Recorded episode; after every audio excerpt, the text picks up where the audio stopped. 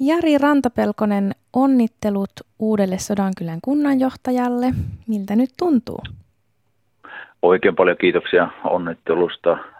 Hyvällähän tietysti tuntuu, kun lähdin hakemaan tai annon suostumuksen on valtuusto minut valitsi kunnanjohtajaksi, niin hyvälle tuntuu ja haluankin kiittää Sodankylän kunnanvaltuustoa tästä luottamuksesta, mutta kyllä toisaalta voi sanoa, että kyllä tässä on monenlaisia tunteita nyt, että Kittilässä oli hyvä yhteistyö ja monia asioita saatiin jatkettua eteenpäin, että on, on tietty haikeus myös tässä, mutta toisaalta taas niin on kyllä äh, mielenkiintoiset uudet ajat tulossa ja odotan tätä uutta aikaa.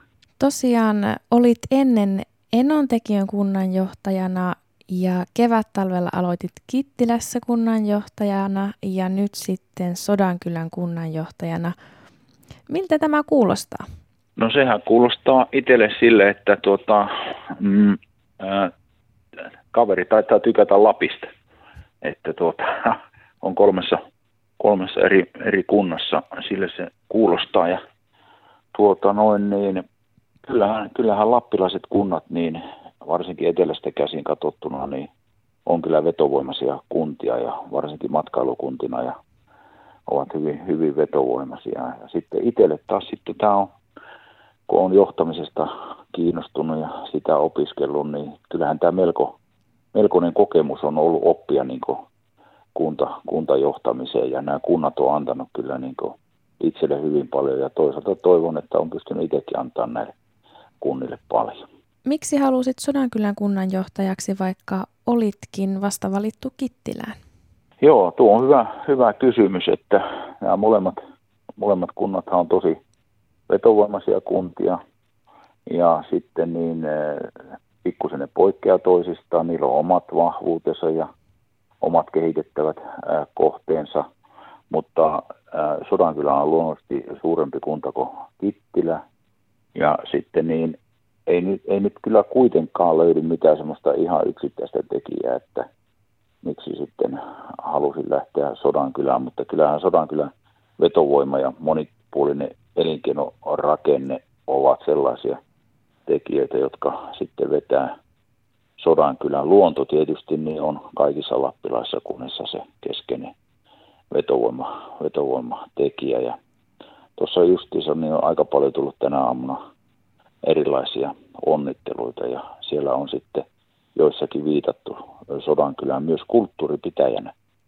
Että kun on elokuvafestivaalit, niin Sodankylä itse asiassa on tosi monipuolinen, monipuolinen paikka ja e, ehkä, ehkä tässä on sellaisia tekijöitä. Ja sitten tämä prosessi, mikä tässä oli valintaan liittyen, niin kyllä ne ihmiset, joiden kanssa sai niin Sodankylässä niin keskustella, niin eh, sekä nämä puheenjohtajat että haastatteluryhmä että valtuusto, niin kyllä he antoivat tosi myönteisen kuvan, kuvan, kuvan Sodankylästä, että eh, ehkä siinä on semmoisia tekijöitä, mutta ei mikään yksittäinen semmoinen tekijä, joka vaikutti tähän, että nimenomaan halusi Sodankylä, mutta Sodankylä on huippukunta, se on yksi Lapin, Lapin ykköskuntia kyllä, että siinä on varmaan semmoinen tekijöitä, jotka on vaikuttanut tähän. Sinut valittiin sinne Sodankylään äänin 26 tai 20 vastaan 6, niin, niin he ovat selkeästi myös halunneet sinut sinne, niin osaatko sanoa siitä jotain, että miksi luulet, että he on, he on sinut sinne niin kovasti halunneet? No tuota, sitä pitäisi tietysti kysyä, kysyä heiltä, mutta se mitä minä itse olen ymmärtänyt, niin he on halunnut kuitenkin äh, kunnanjohtaja, jolla olisi kokemusta kunnanjohtajatehtävistä. Ehkä siinä on semmoinen yksi, yksi syy. Ja toiseksi niin toinen syy voi olla sitten se, että ihminen, joka ymmärtää niin lappilaisia ihmisiä, paikallista kulttuuria ja tapaa toimia täällä ja miten ihmisten kanssa tullaan toimeen, niin ehkä siinä voi olla sitten toinen, toinen syy. Vähän, vähän hankala, pitäisi melkein kysyä heiltä sitten suoraan, mutta näin, näin minä ehkä arvelisin tässä. Millaisia tavoitteita sulla on sitten Sodankylän kunnassa tulevaisuudelle?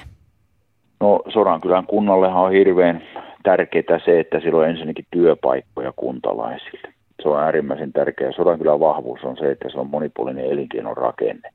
Ja tästä täytyy kunnassakin tietysti pitää huolta ja kunnalla on ennen kaikkea edunvalvontatehtävä, että me näitä edunvalvontatehtävä näiden työpaikkojen tuota, niin senkin turvaamiseksi ja kehittämiseksi, niin se on, se on tosi tärkeä asia. Siihen liittyy sekä kaivostoiminnan tulevaisuuden näkymät, jotka näyttää hyvälle, niiden tulevaisuuden näkymien konkretisoiminen.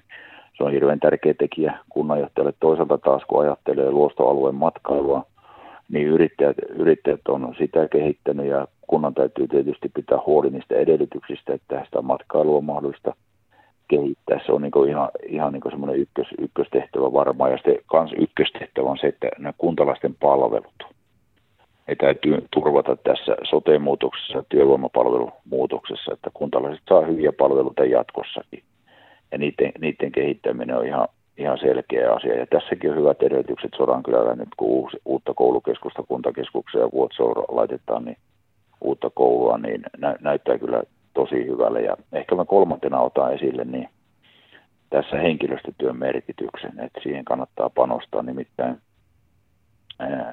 ää, se liittyy kuntalaisten palveluihin oleellisesti, että mitä paremmin henkilöstö voi ja mitä parempaa esimies- ja johtamistyötä on, niin sen parempia palveluita kuntalaiset varmasti saa. Ja sen takia niin kunnan työntekijöiden osaamiseen ja hyvinvointiin kannattaa myös, myös resurssoida. Ja Neljäntenä niin haluaisin kyllä korostaa sitä yhteistyön merkitystä ja sitä keskustelukulttuuria, että se on avointa ja luottamuksellista ja että voidaan luottaa toisemme. Ja samalla niin pystytään olemaan sivistyneesti niin eri mieltä, eli kunnioitetaan toisia, toisia ihmisiä ja näin edelleen. Niin kyllä tämä yhteistyön, yhteistyön niin kun, no, kehittämisen jatkaminen, niin me pidän sitä hirveän tärkeänä kanssa. Onnea sinne uusiin haasteisiin Sodankylän kunnassa. Kiitos oikein paljon.